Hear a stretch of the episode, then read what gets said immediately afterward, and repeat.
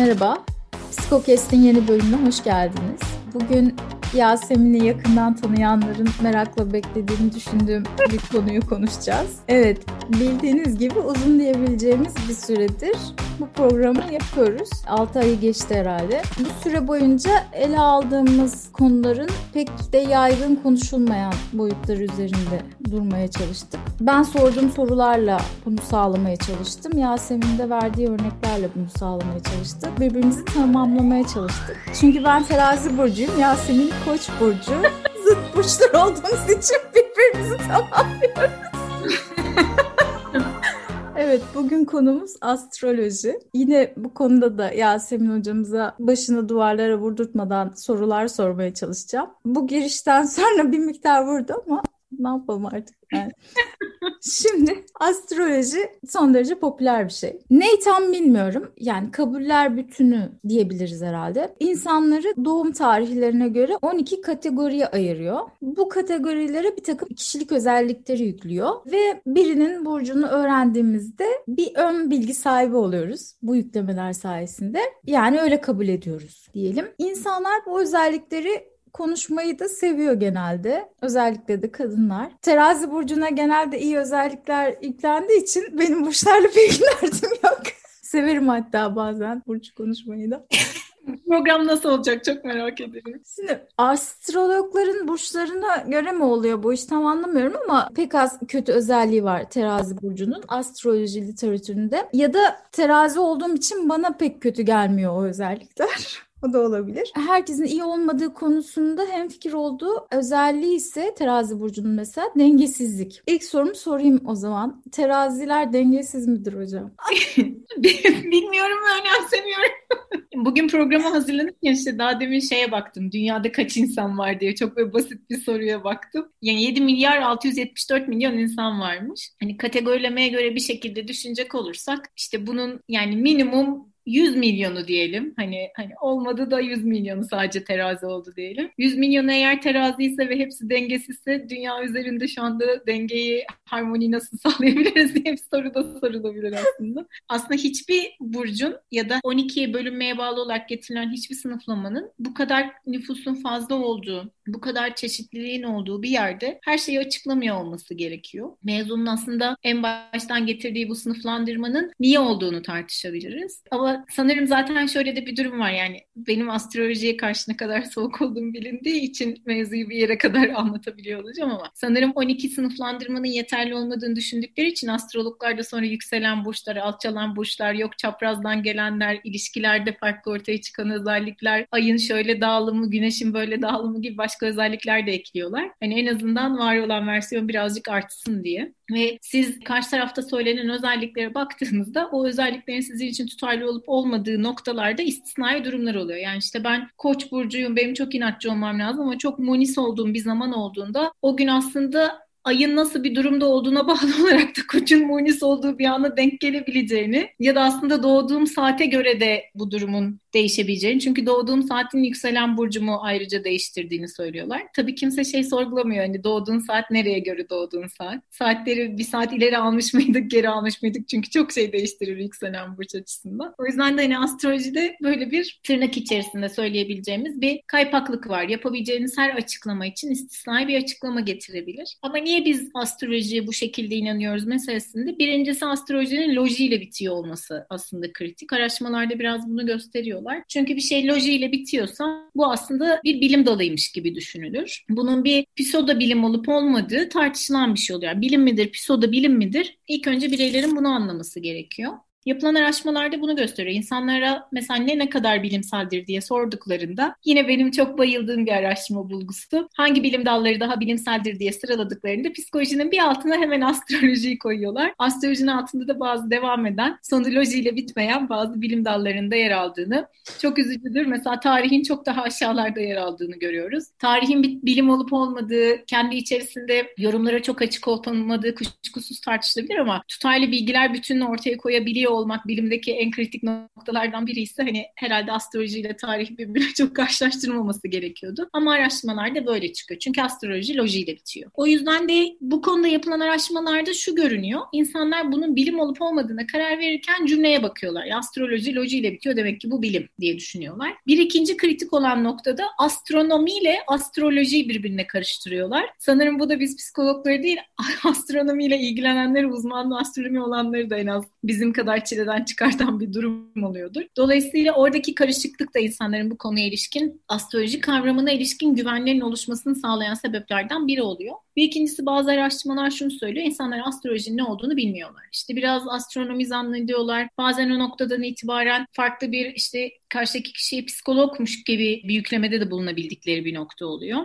Ve enteresan bir araştırma bulgusu da var. Hani hayata ilişkin siyah beyaz diye kategorilemeleri yaparak bakabilen daha otoriter bireylerde birazcık daha astroloji inancının daha yüksek olduğunu gösteren araştırmalar da ortaya konuyor. Peki şimdi niye hani bizim niye astroloji gibi bir şey hayatta ihtiyacımız var? Yani sabah kalktığımızda internete baktığımızda bugün burcum benim için ne getiriyor kısmına bakmak hayatta bize ne getirir dediğimizde bu aslında yaşamı anlamlandırma ihtiyacıyla çok bağlantılı bir şey. Çünkü hepimiz yaşamı anlamlandırmak istiyoruz. Bu çok net. Yaşamı anlamlandırırken de aslında sabah uyandığımızda o gün bizim için özellikle çok önemli bir şey varsa, nasıl sonuçlanacağını bilmediğimiz bir süreçte karşılaşıyorsak, bir belirsizlik varsa birinin o belirsizliğin sonucunun iyi olabileceğini bize söylemesini istiyoruz. Yani ve bu da eğer gazetede yazan bir bilgi ise, internette görülebilen bir bilgi ise ve her gün veriliyorsa bu bizi mutlu ediyor. Şimdi astroloji yorumlarına baktığımızda dikkat etmemiz gereken şeylerden biri şu. Astroloji yorumları genel olarak olumsuz olmazlar olumlu olurlar. Eğer orada gelmekte olan olumsuz bir durum da varsa ona dikkat etmeniz gerektiğini söyler. Dikkat etmek de ne demek? Yani sen bunu zaten yine başarabilirsin. Yani iması odur. Sadece buna dikkat edin. Parayla ilgili sıkıntılara bu ay dikkat edin der mesela. Şunu demez. Artık çulsuzsunuz demez mesela. Dolayısıyla bu da insanlara bir noktada umut veren bir durum olduğunda insanların astrolojiye inanmasını gitgide arttırdığı bir noktaya götürüyor.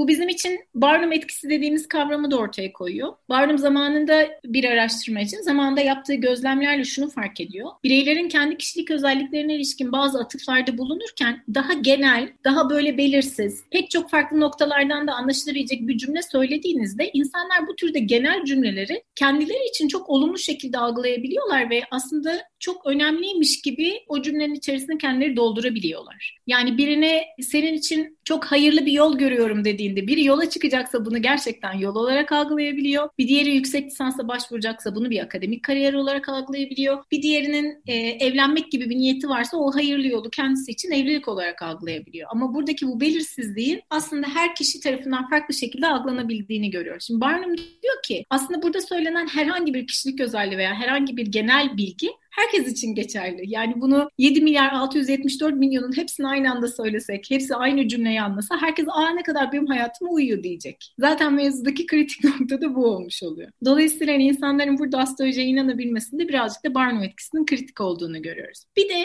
bir kişi bir şeyi tam olarak anlamlandıramazsa yani oradaki o bilginin ortaya çıkma süreci gitgide karmaşık hale gelirse karmaşık hale gelen şey kişiler için daha bilimsel algılanıyorlar. Şimdi daha demin de söylemiştim ya işte 12 burç var. Sonra mesela bu Çin burçları var, bilmem ne burçları var. İşte alçalanlar, yükselenler var. Mevzu gitgide daha karmaşık hale gelince ve açıklayıcı gücünün de bu karmaşıklığa bağlı olarak arttığına ilişkin bir algıda oluşunca haliyle kişiler bunu daha bilimsel algılayabiliyorlar bir kısım için. Bizim için burada bilişsel kestirmeler dediğimiz kognitif biaslar da önemli. İnsan aslında dışarıdan gelen her bilgiyi olduğu gibi duyup olduğu gibi algılamıyor. Çünkü böyle olsa bazı zamanlarda hayatla baş etmemiz çok zor olurdu. O yüzden bazı bilişsel kestirmeler kullanıyoruz biz. Bazen bilgiyi hatırlarken bu bilişsel kestirmeleri kullanıyoruz. Bazen en baştan gelen bilgiyi zaten zihnimizde kodlarken bu kestirmeleri kullanıyoruz. En baştan bilgi gelirken zihnimizde kodlarken kullandığımız kestirmelerden bir tanesi de doğrulama yanlılığı. Confirmation bias. Confirmation bias da şöyle bir şey. Ben şimdi senin karşına geçsem Betül desem ki ya Betül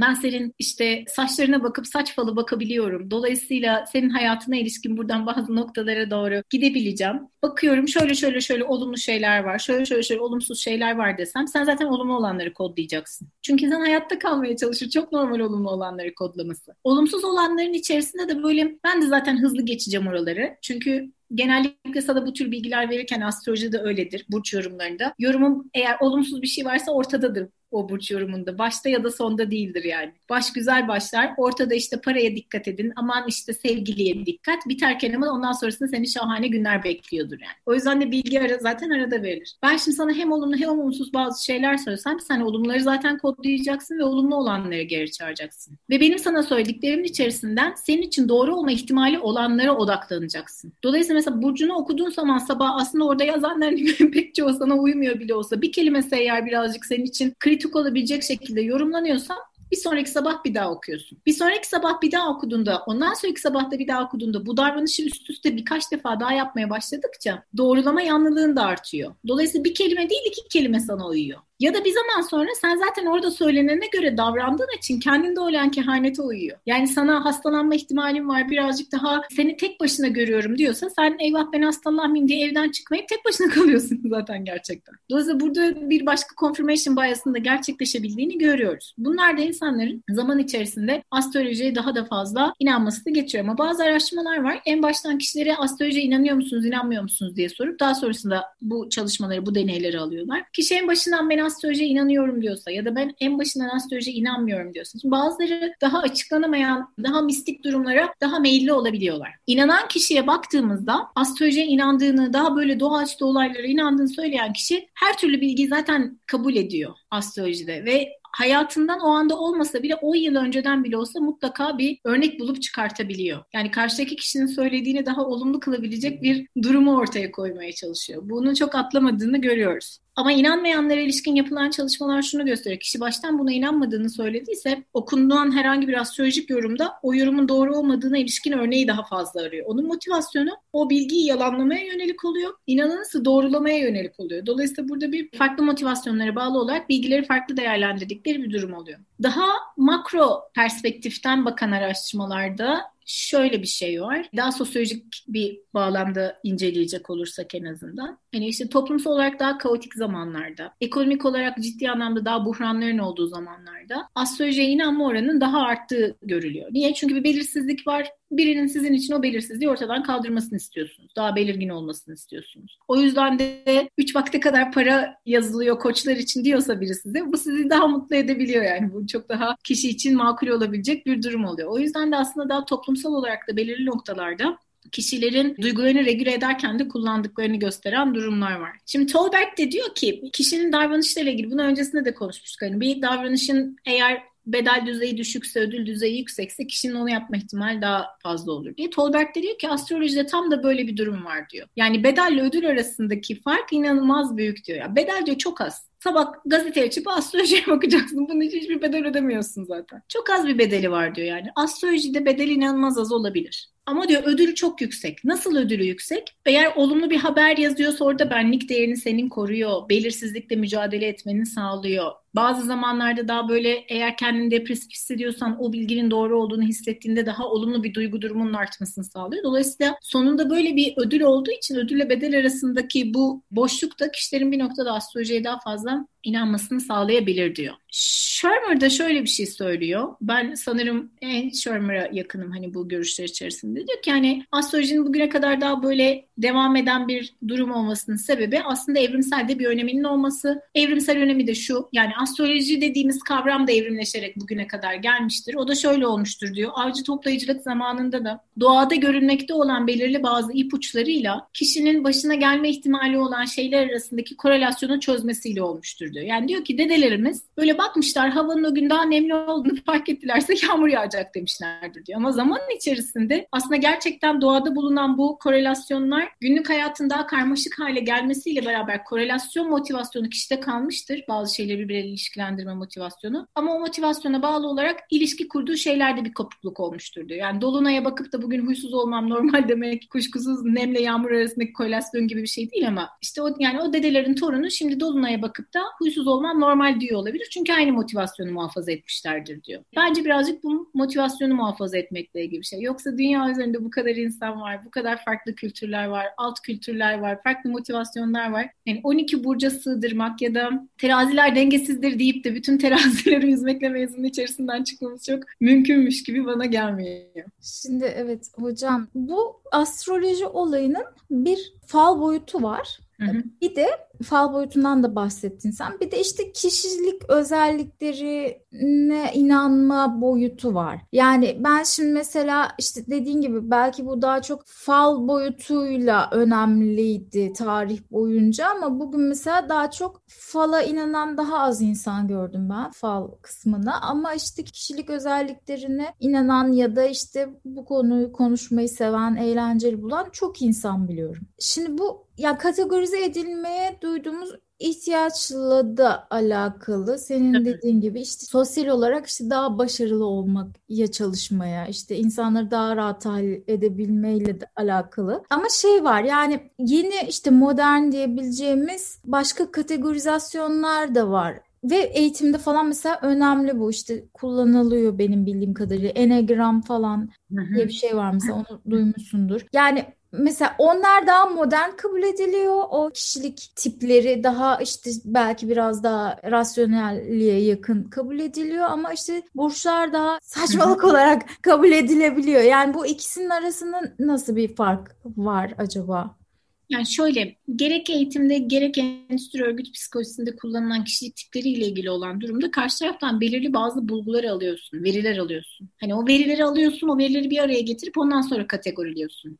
Diğerinde ise senin ne zaman doğduğunla ilgili bir süreçten bahsediliyor. Dolayısıyla diğerinin üzerinde hiçbir kontrolün yok. Yani işte 21 Nisan değil de 22 Nisan'da doğarsan işte koç olmuyorsun da koçtan sonra hangi burç geliyorsa bilmiyorum o oluyorsun. Ve hani bu senin hayatına ilişkin belirli bazı şeyleri değiştiriyor oluyor. Ama diğerinde yani Enneagram için söylemiyorum bunu. Ama kişilik tiplerine ilişkin yapılan o durumlarda senden belirli bir ölçümler alınıyor. O ölçümlere bağlı olarak bu türde sınıflandırmalar yapılıyor. Ama o sınıflandırmalar da tam anlamıyla sağlıklı diyebilir miyiz? Diyemeyiz. Ölçme açısından da bu çok uzun zamandır tartışılan meselelerden bir tanesi zaten. Yani birine INTC veya ENTC demek ne demek? Neye denk düşüyor? Her kültürde böyle bir kişilik tipinden bahsedebilir miyiz? Birey kendisine ilişkin bütün bilgileri bu durumda verebilir mi, veremez mi? Bunlar zaten çok tartışmalı meseleler. Şeyi anlıyorum. İnsan tabii ki sosyal kategorilere koymak ister karşısındaki kişileri ama bu kategorileri de sınırlandırılamayacak kadar da bilgileri olan da bir yaratık insan yani. O yüzden hani bu çok makul bir durum değil. Astrolojide bence çok daha korkutucu olan şey şu söylediğine katılıyorum. Hani modern olarak gitgide daha fazla farklı açıklamalar da yapılıyor ama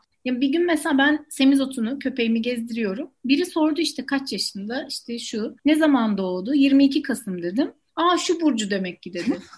ne? Sonra dedi ki işte o yüzden herhalde bu kadar insan canlısı dedi. Ben dedim ki golden bu. Golden Retriever. Golden Retriever insanlarla oynasın diye melezlenmiş olan bir köpek cinsi yani. hani başka bir kategoriyle ilgili insan canlısı olmasının sebebi. 22 Kasım'da doğmasıyla ilgili değil. Hani ikisinin arasındaki fark bu. Ama bu köpeğin kendi köpeğinden niye daha insan canlısı olduğunu açıklamak istediğinde ona gelebilecek en rahat açıklama buydu. Bir de değişmeyen bir şey ya doğum tarihi. Yani eğer biz dışarıdaki bir kişinin yaptığı olumsuz bir davranışı niye yaptığına ilişkin bir yüklemede bulunmak istiyorsak doğum tarihini atfettiğimizde hayatımız çok kolaylaşıyor. Hiçbir şekilde değişmeyecek doğum günü çünkü.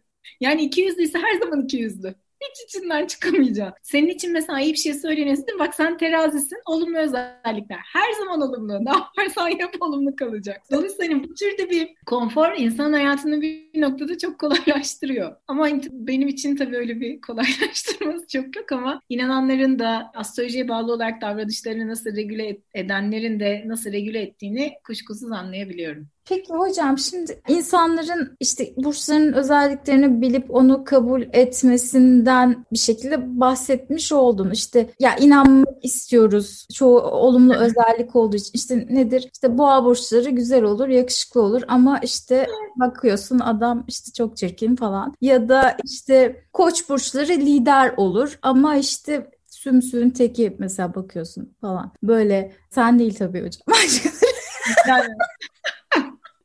Sümük ya. Terazilere de dengesiz diyorlar. Mesela şöyle bir şey var. Mesela benim babam kova burcu. Kova burçlarının özellikleri de işte. Ha bir de kadınlara yüklenen özellikler ayrı, erkeklere yüklenen özellikler ayrı. Tabii işte başta da dediğin gibi yani daha böyle dallanıp budaklanan bir şey var. İşte kova burcu erkeklerin özelliklerine mesela böyle şey açıyorum ben babamı okuyorum. Böyle yani şok oluyorum tamam mı?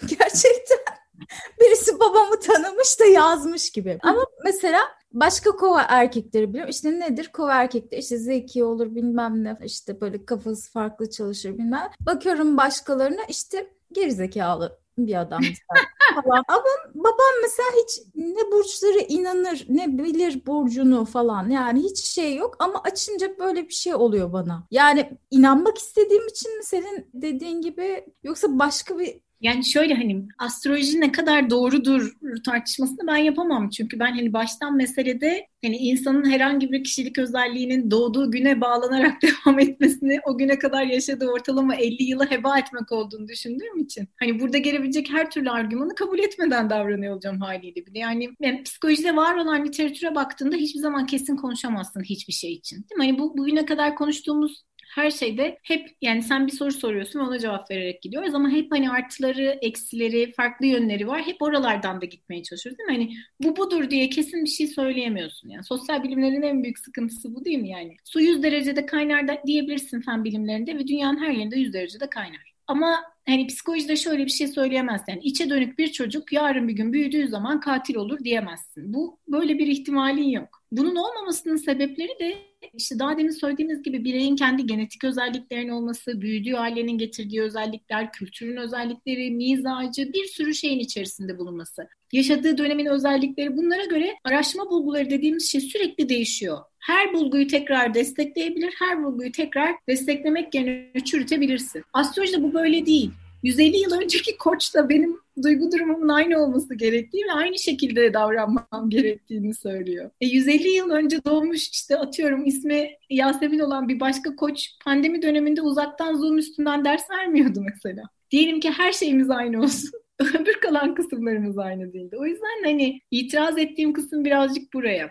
Ama senin söylediğin gibi hani ben okuduğumda orada olumlu özellikler yazıyor diyorsun. Bakıyorum olumlu özellikleri. E babamda var bunlar diyorsun. İşte yine confirmation bias oldu. O burcun da olumsuz özellikleri var büyük bir ihtimalle ama onlar babanda yok. Çünkü o senin var, çok... onlar da var işte zaten. Peki şöyle söyleyeyim o zaman. Var olabilen bütün kişilik özellikleri herkeste zaman zaman olur. Yani her insan zaman zaman tutarlı olur. Her insan zaman zaman tutarsız olur. Her insanın zaman zaman daha lider olduğu zamanlar vardır. Ne bileyim daha içe dönük, daha dışa dönük olduğu zaman vardır. Her hepsi vardır. Hepsi hepimizde var. Önemli olan o zamanlar ne kadar oldukları. Meyillerimiz vardır. Daha meyilli oluyoruz bazı şeylere. Daha o tarafa ilişkin yatkınlığımız fazla olabilir ama hepimizde vardır. Kuşkusuz o dönemlerin denk gelmesiyle ilgili bir şey. İşte mesela senin söylediğin şey koçlar lider olur diye. Tarihte lider olup da koç olanları ben sana sayayım. Koç olduğum için biliyorum. Hitler, Kim Jong-un, bu mu liderlik yani?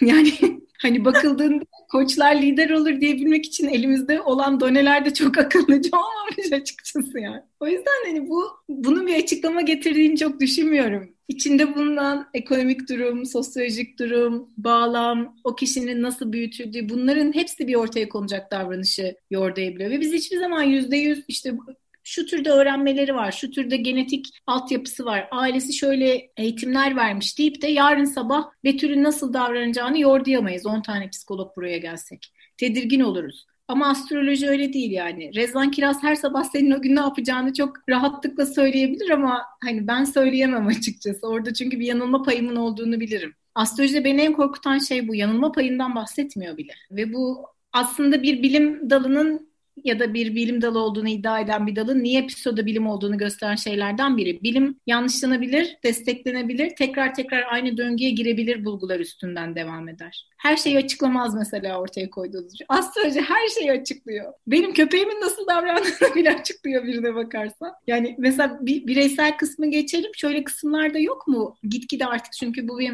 sonuçta bir sektör. İşte Koç burcuyla Kova burcunun aşkı Duygusal uyumları, fiziksel uyumları. Hani dünyada Koç burcu olan ve Kova burcu işte mesela Koç burcu kadını, Kova burcu erkeği. Dünyada Koç burcu olan ve Kova burcu erkeği olan bir sürü çift var. Büyük bir ihtimalle vakti zamanında da bir araya geldiler, bir arada oldular. Ama büyüdükleri zaman, içinde bulundukları kültür, pek çok farklı özellikleri var. Değil mi? Bu kişilerin sahip oldukları o ilişkiye yatırımları var, kendi bağlanma düzeyleri var, bir sürü şey var. Ama biz onların hepsini ortadan kaldırıp hani bir çifte şey diyebiliriz. İşte sizin duygusal olarak çok iyi bir ilişki yaşamanız gerekiyor diyebiliriz. Çiftse inanıyorsa astrolojiye çok güzel ilişki iyi olması gerektiği için yani karşılıklı birbirlerine bakıp ya bununla da olmaz ama astroloji burç uyumumuz iyi olduğunu söylüyor. Herhalde vardır bir hikmet diye devam ediyorsa ilişki bence çok problemli olabilir yani.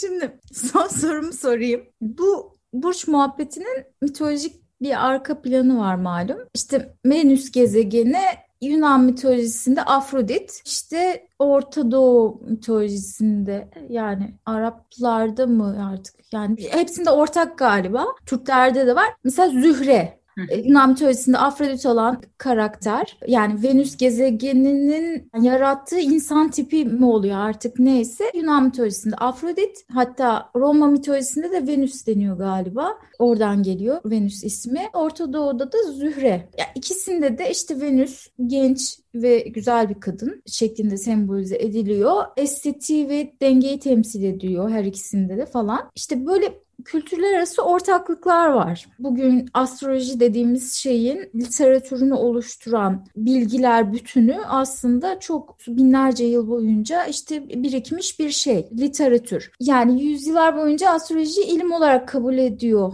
insanlık.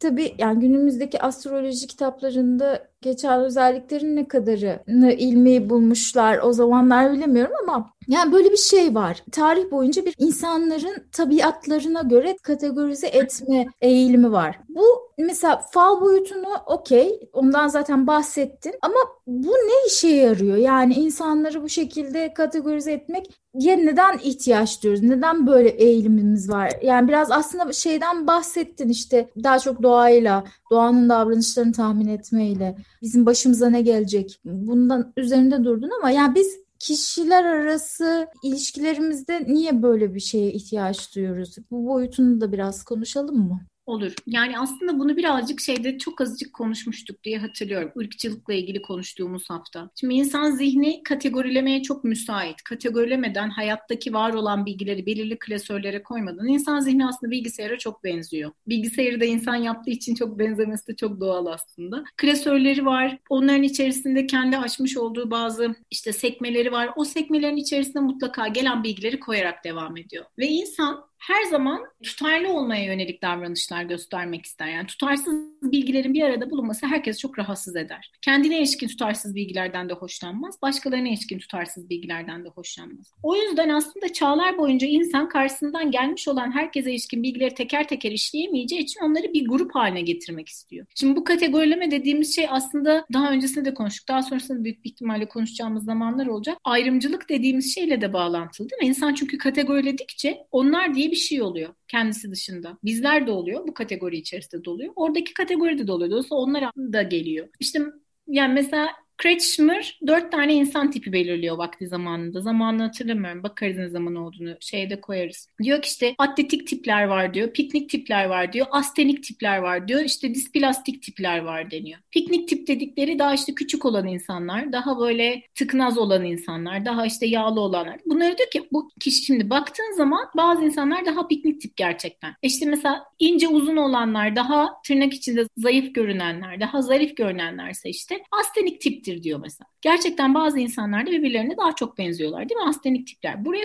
kadar bir problem yok. Problem şurada. Yani bu kategorilemede bir problem yok. İnsanlar kategoriler çünkü. Ama diyor ki piknik tipte olanlar diyor çok sıcakkanlıdır diyor. Astenik tipte olanlar biraz daha uzak olabilirler. Çünkü büyük ihtimal Kreşmar'ın o zamana kadar karşılaştığı fiziksel özelliği birbirine benzeyen iki kişi varsa ve o iki kişi biraz daha sıcakkanlıysa onları piknik tip klasörüne koyduysa onların daha sıcakkanlı olduğunu söylüyor daha uzun boylu olup da bir de kendine göre de kime göre uzun yani meselenin öyle bir noktası da var. Kendine göre daha uzun boylu olup da karşılaştıklarını astenik tip diyor. Büyük ihtimalle böyleydi yanlış da hatırlıyor olabilirim ama astenik tiplerin daha soğukkanlı olduğunu söylüyor. Onun da büyük bir ihtimalle karşılaştığı birkaç kişi birazcık daha nobrandı. O da onları öyle sınıflandırıyor. Şimdi bu sınıflandırmalar da kişilik özelliklerini bir araya getirme kısmı tehlikeli. Çünkü bu şu noktaya giden bir şey aslında onu görmek lazım. Yani astrolojide evet baktık konuştuk güldük ama yani kıvırcık saçlı olanlar Yahudidir ve Yahudiler çok para gözdür dediğinde burada fark etmeden bir ayrımcılığın bir kısmını açıyorsun. Bir, bir yere doğru gidebiliyor. Yani işte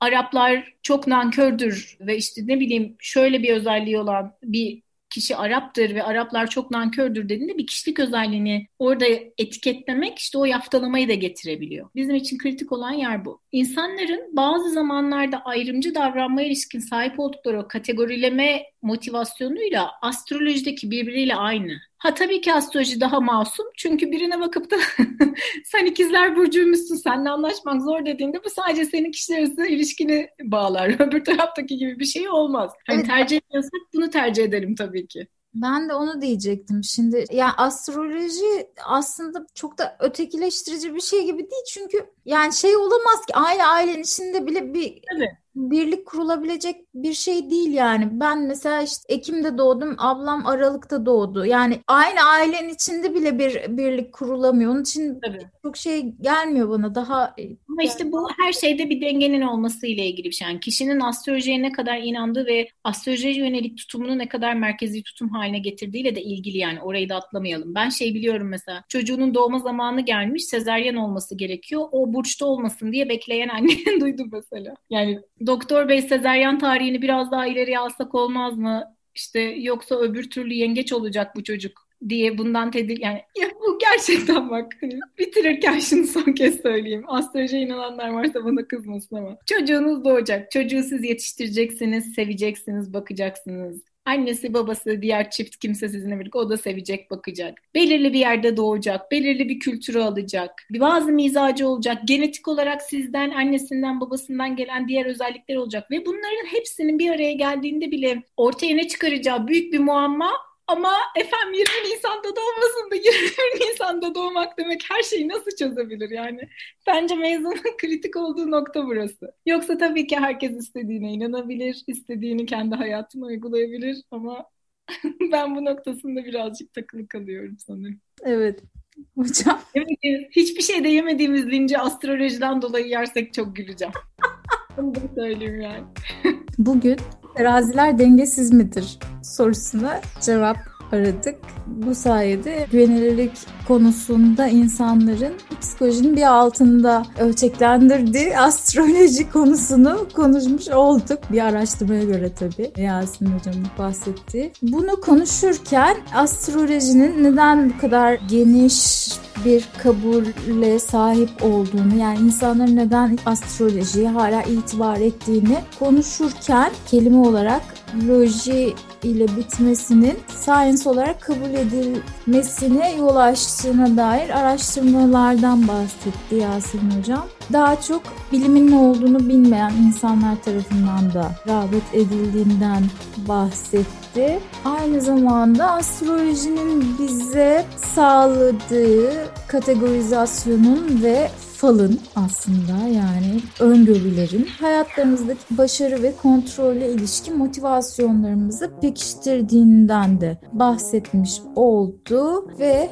yani çok da inanmasanız olur diyerek bitirdim. Evet. Astroloji konusunda Yasemin Hoca'nın ne kadar hassas olduğunu görmüş Ciddi olmak için kendimi zorlayıp olamadığım programın da sonuna gelmiş olduk. Bizi dinlediğiniz için teşekkür ederiz. Geri bildirimlerinizi ve hangi burç olduğunuzu Geri bildirimlerinizi bize kendi isminiz ve soyadınızda kullandığınız sosyal medya hesaplarımızdan ve mail adreslerimizden bize iletebilirsiniz. Haftaya görüşmek üzere. Esenlikle kalın. Hoşçakalın.